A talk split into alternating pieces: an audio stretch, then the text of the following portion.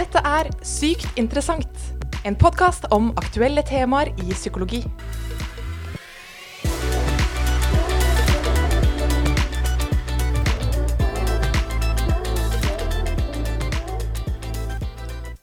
Hallo og hjertelig velkommen til en ny podkastepisode av Sykt interessant.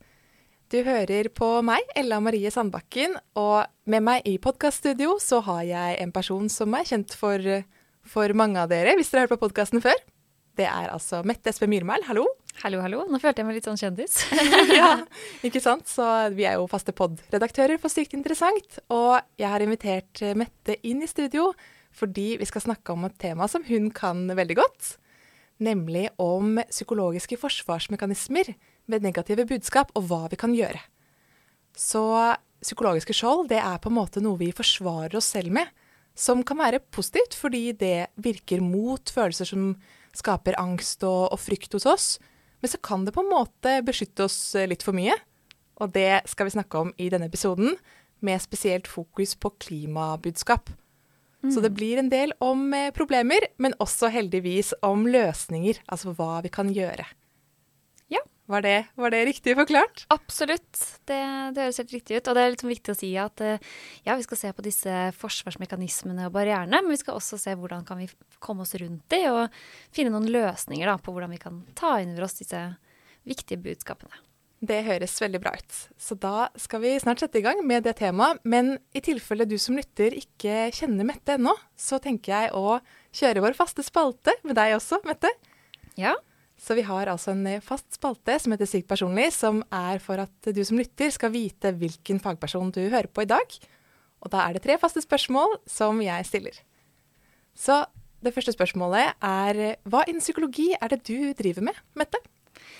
Ja, jeg jobber da som høyskolelektor på Oslo nye høgskole. Underviser i innføring i generell psykologi og miljø- og klimapsykologi. Og driver denne podkasten. Ikke sant? Så du er altså Du har master i psykologi, i Mm. klimapsykologi, og sant? Ja, stemmer. Og så underviser du på ONH og er podkastvert her i Sykt interessant. Og andre spørsmål, det er hva kunne du ikke klart deg uten?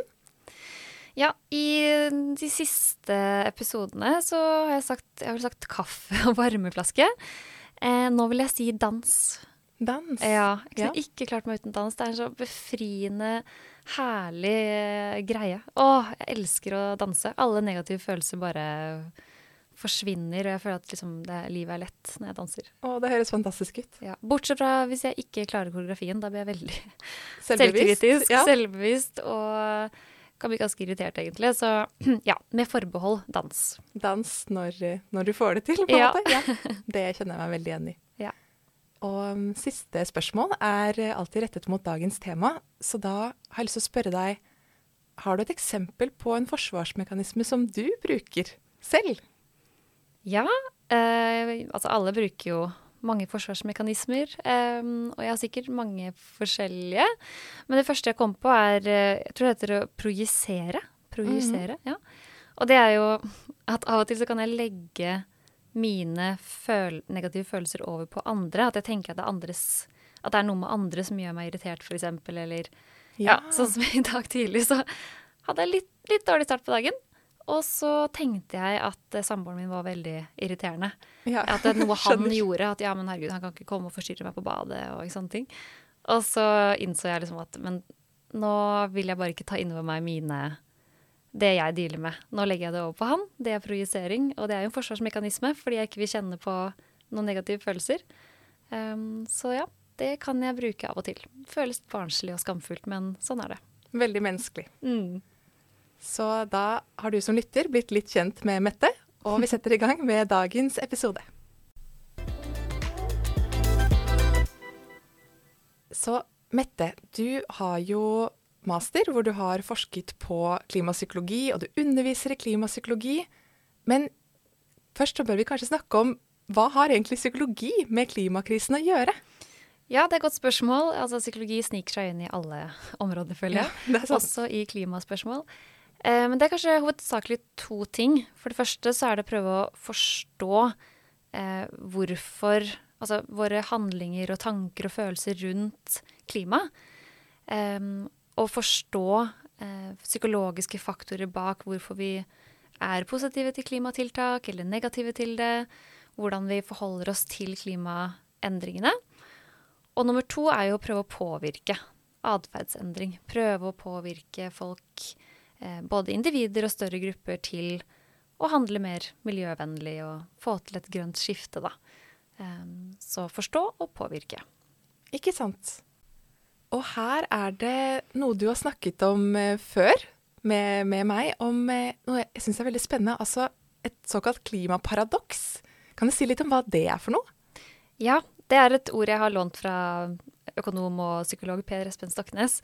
Eh, han kaller det for klimaparadokset. Det at vi har mye robust fakta, statistikk og informasjon om klimaendringene. Men vi ser at folk ikke blir så veldig mye mer bekymra av den grunn. Og at jo mer informasjon og fakta vi får, jo mer bekymra blir vi på en måte ikke. Vi gjør ikke mer selv om vi vet mer. Mm. Um, og en forsker uh, ved navn Thea Gregersen hun gjorde, lurte på akkurat dette her. da, hvorfor, eller Hvordan står det til i Norge? Er vi, tror vi på klimaendringene og at de er menneskeskapt, eller er vi skeptiske? Og hun fant at 30 uh, er skeptiske fortsatt til om klimaendringene er menneskeskapt. Uh, og det er det ingen forskjell på på ti år. Det er det samme tallet over lang tid. Selv om vi har mye, mye mer informasjon og fakta og statistikk på at det er tilfellet. Ja. Og her kommer psykologien inn. Hvorfor er det sånn? Ja, hvorfor gjør vi ikke mer når vi, når vi vet mye? Nettopp. Mm. Så hvis vi hadde vært rasjonelle vesener som hadde tatt beslutninger og valg ut fra statistikk og fakta og kunnskap, så hadde vi jo gjort mer og ikke vært skeptiske. Men vi har noen psykologiske mekanismer i oss som, gjør, som kan forklare litt da, um, om hvorfor det kanskje Hvorfor vi ikke gjør mer. Og det er bare barrierene? Ja. Ikke sant. Så hva er det, hva er det de går ut på? Hva, hvorfor uh, har vi dette paradokset? Ja, altså man kan jo forklare det med flere ting, selvfølgelig. At det at man er skeptisk kan jo ha med økonomisk situasjon å gjøre, klimapolitikk eh, hvor man bor hen i verden osv. Men vi vet også at vi har noen sånne psykologiske forsvarsmekanismer i oss som gjør at klimabudskap, eller generelt egentlig negative budskap, da, kan eh, bli vanskelig at går helt inn. At de på en måte beskytter oss fra det negative. Du kan se for deg noen skjold som man bruker i krig, eller en rustning som beskytter deg mot det som kommer utenfra. Jeg skjønner, men eh, dette høres jo egentlig bra ut på et vis. Eller sånn Skjold er jo en, noe som beskytter oss. Ja, så forsvarsmekanismer er jo på mange måter en, en bra ting, og veldig deilig å leve i med forsvarsmekanismer og ikke ja. ta inn over seg ting. Men problemet er bare hvis, hvis man da beskytter seg også mot fakta og en virkelighet som er på en annen måte, da. Mm. Eh, og som gjør at det kan gå utover andre og at det får et negativt utfall. Ja, um, Som å ikke gjøre handling som trengs å gjøres for klimasaken. Ja. ja. Mm. Så, sånn sett så kan det være negativt da, med for mye forsvar. Ikke sant. Så hvilke sånne forsvarsmekanismer eller barrierer er det vi har mot eh, klimabudskap? Ja, det er jo flere, og, og, faktisk en del. Men eh, jeg liker å bruke igjen Per Espen Stoknes eh, sin eh, illustrasjon eller modell på fem veldig vanlige forsvarsmekanismer. Um, og da kan vi se for oss en person i midten av denne modellen. La oss si deg, Ella. Ja, ikke sant? og så ser man sånne sirkler, ringer, som blir på en måte, går fra å være liten, tett inntil personen, og så blir liksom større og større, går liksom utover. Mm. Og disse ringene representerer da forsvarsmekanismene, barrierene. Ja, Som beskytter meg, på en måte? Ja, mm. som beskytter deg. Psykologiske eh, forsvar, da. Som beskytter meg, men hindrer meg i å ta inn over meg alvoret. Nettopp. Det beskytter deg fra negative følelser, men det hindrer deg i å ta inn over deg eh, fakta og kunnskap og informasjon da, som er viktig for deg. Ikke sant. Skjønner. Mm. Så hva er de? Ja. Um, vi kan jo starte med det ytterste laget, og det er distanse, kaller Per Espen Stoknes den, da. Og det er at ofte så blir klimabudskap eh, Vi snakker om det som noe som er veldig langt fra oss i tid og sted. Mm. Så noe som skjer i u-land, klimaflyktninger, eh, isbreene som smelter. Eh, vi snakker eh, om 50-100 år. ikke sant? Det er veldig langt unna, både i tid og sted. Og det gjør ofte at vi får en følelse av at ja, men det handler jo ikke om meg, og det handler jo ikke om her og nå, så hvorfor skal jeg bry meg? Det er jo langt unna. Vi får ikke en nærhet til det. En følelse av at det gjelder meg, da. Mm. Og da er det lettere å ta avstand? Absolutt. Bokstavelig talt, på en måte? Ja, ja faktisk. Da mm. får vi en følelse av avstand. At ja, men da er det jo kanskje ikke så For vi mennesker fungerer litt sånn at vi bryr oss mye om hva som skjer med oss selv her og nå. Vi er jo f.eks. ikke så flinke til å spare langt fram i tid heller.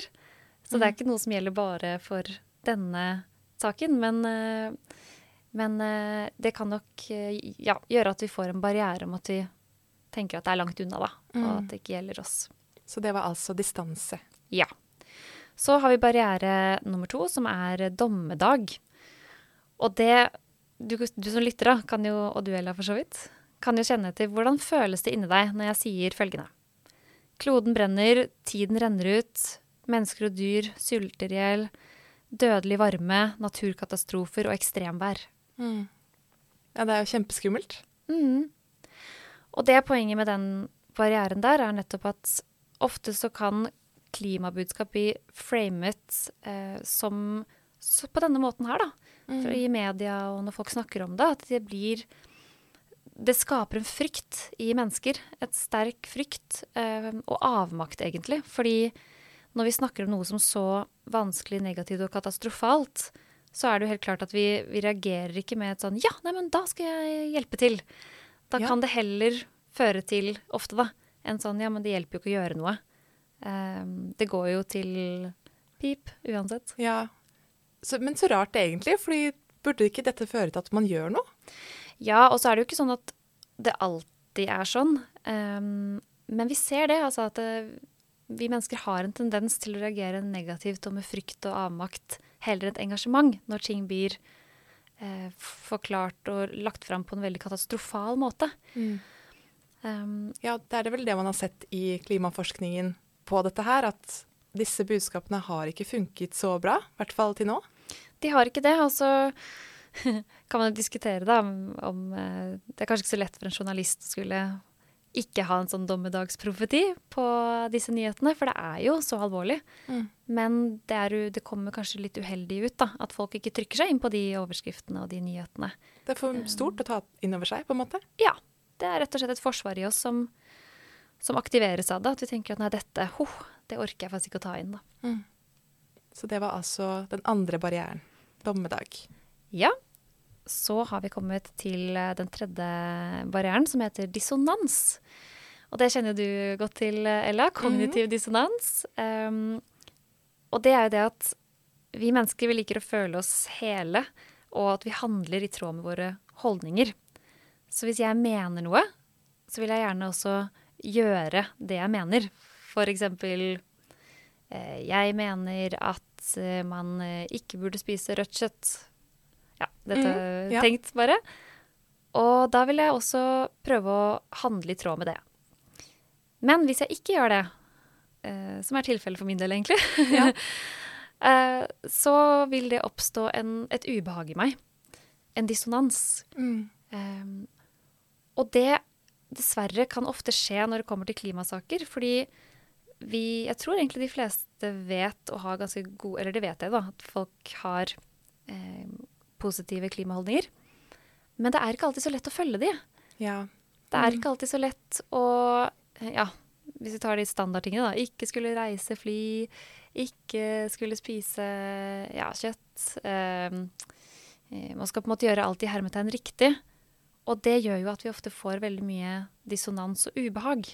Ja, sånn som hvis man skal til en annen by i Norge, og så er flyreisen mye billigere enn å ta tog, og så er klima viktig for meg, men så kanskje jeg flyr likevel, ja. og føler på et ubehag over at holdning og handling ikke stemmer overens, da. Klassisk eksempel. Det, ja, tror jeg mange kjenner seg igjen i. og det som ofte kan skje da, for å prøve å få bort det ubehaget, den negative følelsen, Mm. er at man endrer holdning og tenker sånn ja, men det er ikke så farlig, og andre flyr jo mye mer enn meg, og Mm. Andre er verre. andre er verre. Mm. Det er jo veldig sånn klassisk sosialpsykologisk fenomen som også kan funke for å forklare helseatferd, f.eks. Absolutt. Jeg har en holdning om at det er bra å trene, og så ser jeg at å, jeg trente ikke i dag, eh, og så kan jeg endre litt holdning og tenke at nei, men andre er verre, eller Eller at nei, kanskje det ikke er så farlig likevel. Ja, vi gjør jo dette masse. Jeg har mange eksempler med meg selv òg. så ja, Så den er altså også relevant for dette med klimabudskap. Absolutt. Det er den. Mm. Og så har vi benektelse. Nå begynner vi å nærme oss den innerste ringen. Og det er jo rett og slett det du ikke vet, har du ikke vondt av. Enkelt sagt. Og det er jo at vi benekter fakta. Eh, fordi at det rett og slett er så vondt og stort og vanskelig å ta inn. Så det er lettere å leve i eh, fornektelse. At man ikke tenker at det er sant. Ja, eller at det ikke er så farlig, og Nei, så stort er det vel ikke, og det går vel, det går vel bra, litt sånn Mm. Ja, kan man egentlig stole på de tallene helt? Litt sånn Mm. um, Benekter den informasjonen, da. Ja, så det er en fjerde barriere. Mm. Hva er den femte? Den femte, det er den sterkeste barrieren, kan vi nesten si, og det er identitet. Mm. Og det er den ringen som er på en måte helt Forsvaret som er helt nærmest mennesket. Og det er fordi identitet er eh, betyr veldig mye for oss og er veldig sterkt for oss mennesker. Det handler om følelser. Så Og hvem vi tenker at vi er. Nettopp. Mm. Hvem er vi? Um, og vi har jo alle sånne merkelapper på det. Sånn som jeg er høyskolelektor. uh, du er um, Halvt finsk Halvt og finsk. doktorgradskandidat og ja, Nettopp. ting som er viktig for meg. Ja, og hvis da klimabudskap og informasjon strider imot din identitet, så vil identitet vinne over den informasjonen, sannsynligvis. Så for eksempel hvis ikke, hvis ikke det passer inn da, i din identitet og skulle handle miljøvennlig, så vil du sannsynligvis heller ta vare på den du er og din, identitet, heller enn å endre hvem du er, da. Ja, hva kan være et eksempel på det? Vi kan eh, ta et sånn veldig satt på spissen, da. Så kan vi se for oss eh, La oss si Roy. Han, eh, han kjører truck, og han jobber innenfor oljeindustrien. Og spiser biff til middag hver dag. Dette er veldig satt på spissen, altså. Hvordan tror du han tar klimabudskapet? Vi må redusere CO2-utslipp ved å spise mindre kjøtt. Vi må stoppe oljeletingen og kjøre mindre bil. Det blir jo veldig vanskelig, fordi det er jo veldig mye av hverdagen som da er truet, på en måte. Ja. Og følelsen av hvem man er, og hva som er viktig for en. Ja, for hvis Roy syns dette er viktig for han, selvfølgelig jobben hans, og kanskje han elsker å kjøre bil, og at eh, lager kjøttmiddag for eh, vennene hans, jeg vet ikke, så, så blir jo dette budskapet heller tatt som mer sånn kritikk på hvem du er, og hva du driver med her i livet, heller enn em, et engasjerende budskap, da. Så for mange så kan eh, fakta om klima og sånn ønsker da, om at vi skal endre oss, kan gå veldig på hvem vi er. Det kan bli veldig personlig.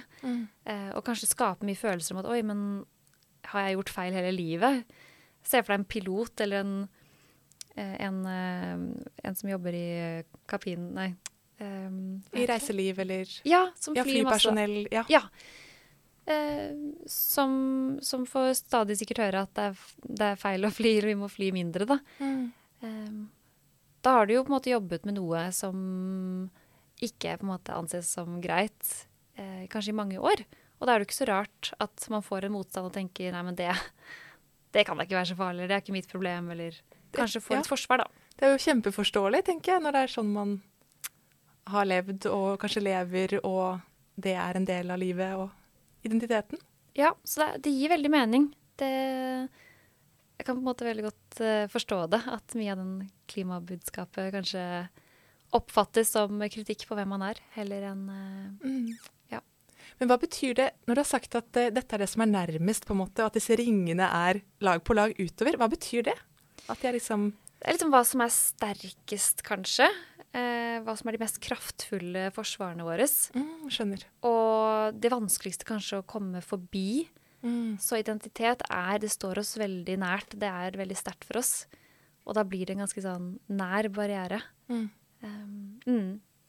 Skjønner. Ok, Så dette var de fem barrierene. Så distanse, dommedag, dissonans, benektelse og identitet. Ja, stemmer.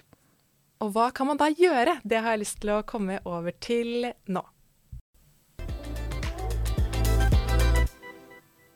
Så da har vi altså blitt kjent med fem barrierer som kan stå litt i veien for at eh, mange av oss tar ordentlig inn over oss eh, klimainformasjon. Og, og hvordan kan vi da egentlig komme forbi disse barrierene? Er det noen løsninger, Mette?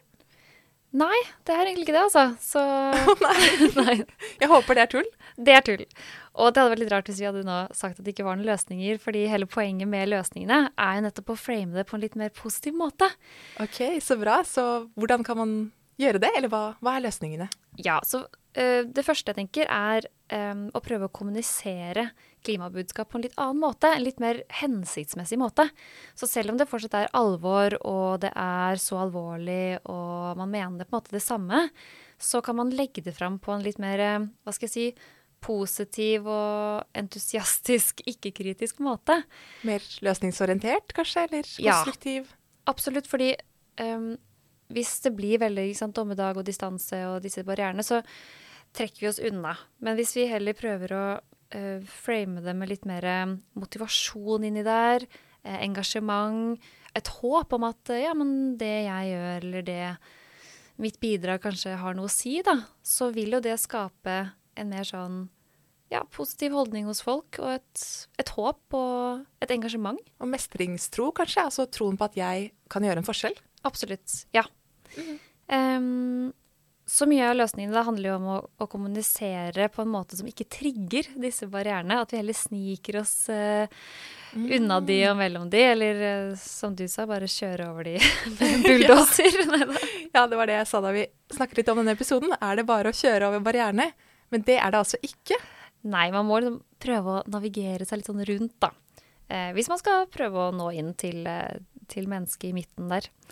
Em, Det høres mer fornuftig ut. ja, så vi kan jo ta noen konkrete eksempler. Eksempel det med distanse, da. Altså, dette gjelder ikke meg her og nå.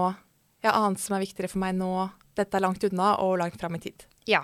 Mm. Så da kan man heller snakke om eh, det som skjer med deg her og nå. F.eks. at lufta i Oslo har forandret seg. Em, eller at det går utover uh, strømprisene, ikke sant. Mm. Ting som vi bryr oss om, som er her og nå. Eller kanskje den, den som går rett, mm, rett i hjertet på mange nordmenn, er jo hva med snøen på fjellet? At snøen kan smelte, og det kan hende at det ikke blir like bra skiløyper om noen år. Da Ja. tror jeg mange plutselig begynner å bli litt engasjert. Ikke sant? Og det er jo nærere for oss. Lettere å ta inn over seg, kanskje. Det er jo det. Noe som skjer her og nå. Mm. Hva, hva annet er det man kan gjøre i stedet for å trigge disse barrierene? Vi kan også prøve å få en mer sånn motiverende framing, som jeg nevnte i stad. Altså prøve å bruke mer positivt ladede ord. Det ser man også funker. Eh, som f.eks. grønn vekst, bærekraft, utvikling, en bedre fremtid. For det ligger jo veldig mye bra potensial i dette her også. Det er jo ikke bare negativt og bare dommedag. Det er jo utrolig mange kule muligheter som ligger i det også. Ny teknologi, ny utvikling, tenke på en ny måte, leve på en ny måte, jobbe på en annen måte.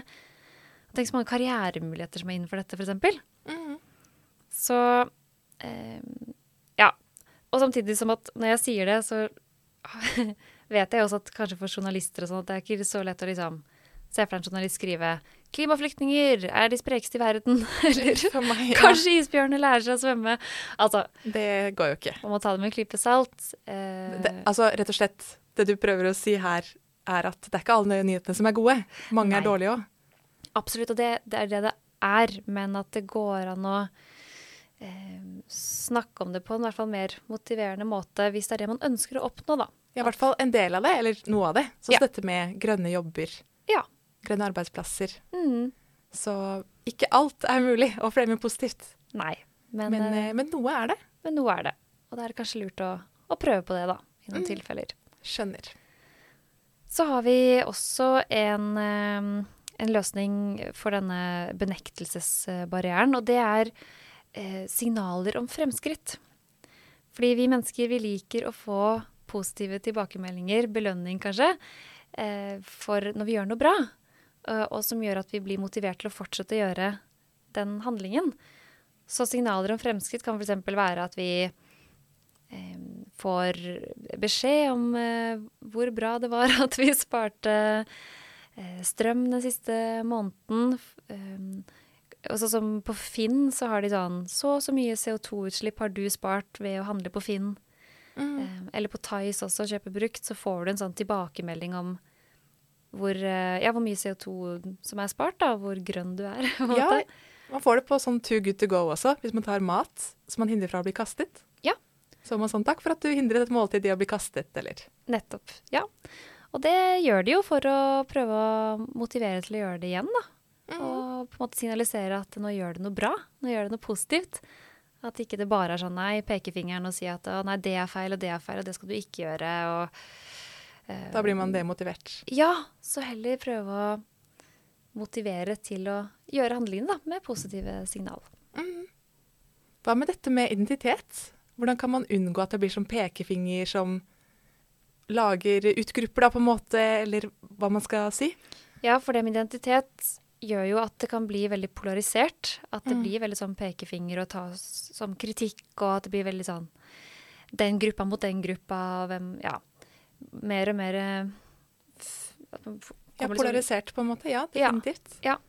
Og det er nok den vanskeligste barrieren å komme forbi også. Men en ting jeg i hvert fall har tenkt på, er det med å prøve å lage klimabudskapene så de treffer de menneskene eh, som, som du prøver å fortelle det til. At ikke det blir en kritikk, men heller en slags um, Ja, komme rundt den kritikken, da. Em, så for eksempel Det er ikke vits i å si til en som eh, elsker materialistiske ting, kjøper masse nye ting hele tiden og sier liksom at det skal du ikke gjøre. Det er feil, du lever på en feil måte. Ja, da, da blir det kritikk, da. Mm, Så ja. kanskje heller prøve å komme rundt det ved å snakke om eh, ja, bærekraftige klær, f.eks. Eller nå er det ny teknologi som er mer bærekraftig, som kanskje treffer deg litt bedre. Um, ja, prøve å liksom pakke det inn så det treffer mottakeren Mm. på en ikke-kritisk måte, hvis det ga mening.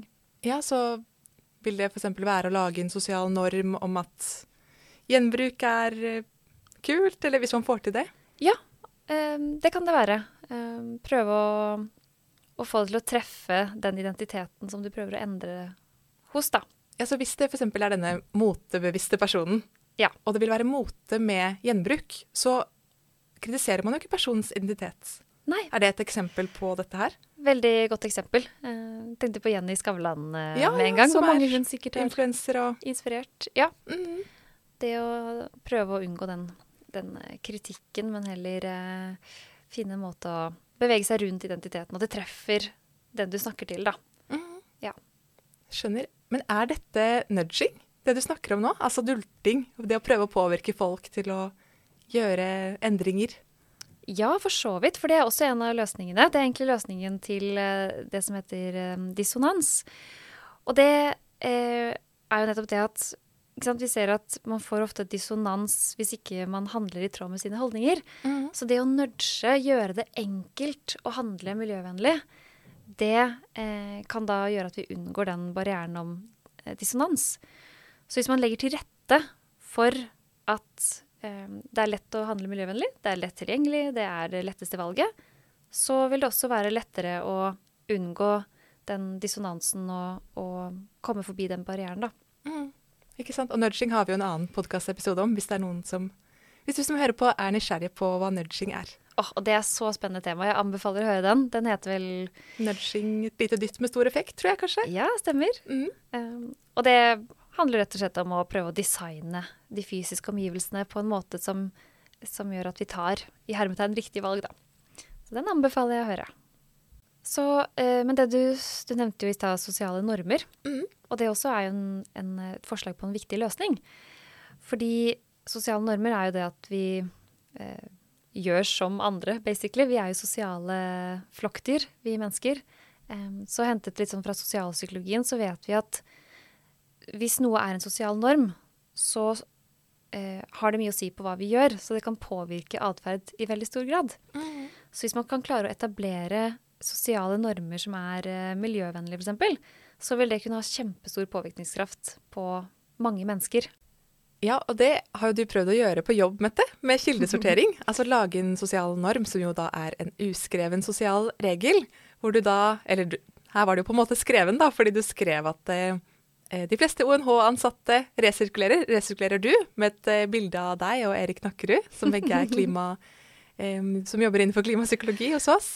Og jeg tenker at her prøvde du kanskje å nudge oss til å kildesortere mer og, og lage en sosial norm. Altså en, sånn, en, en slags sånn sosial regel om at dette er noe vi gjør, og kanskje lage en sånn identitet også av at eh, ONH-ansatte resirkulerer. Ja, det var et uh, forsøk uh, på det. Litt sånn litt med humor, da, litt tullete, men uh, Funka det? Jeg, vet ikke. Jeg er veldig spent på det, egentlig. Vi kunne jo kanskje gjøre en forskningsstudie på det. og se om... ja, Måle effekten?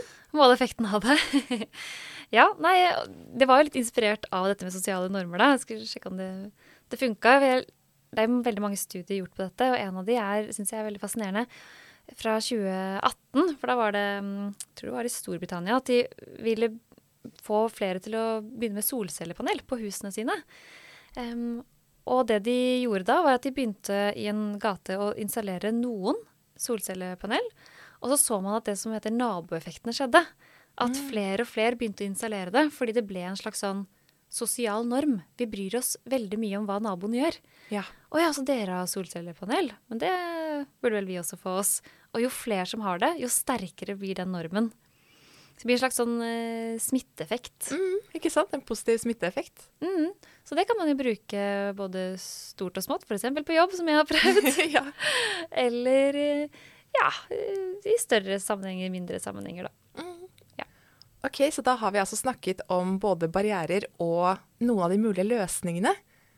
Men jeg lurer helt, slutt, eh, helt til slutt på om er det, er det, så enkelt på en måte at vi trenger å komme over disse barrierene som eh, mange av oss har, kanskje i større og mindre grad? Eller selvfølgelig i større og mindre grad.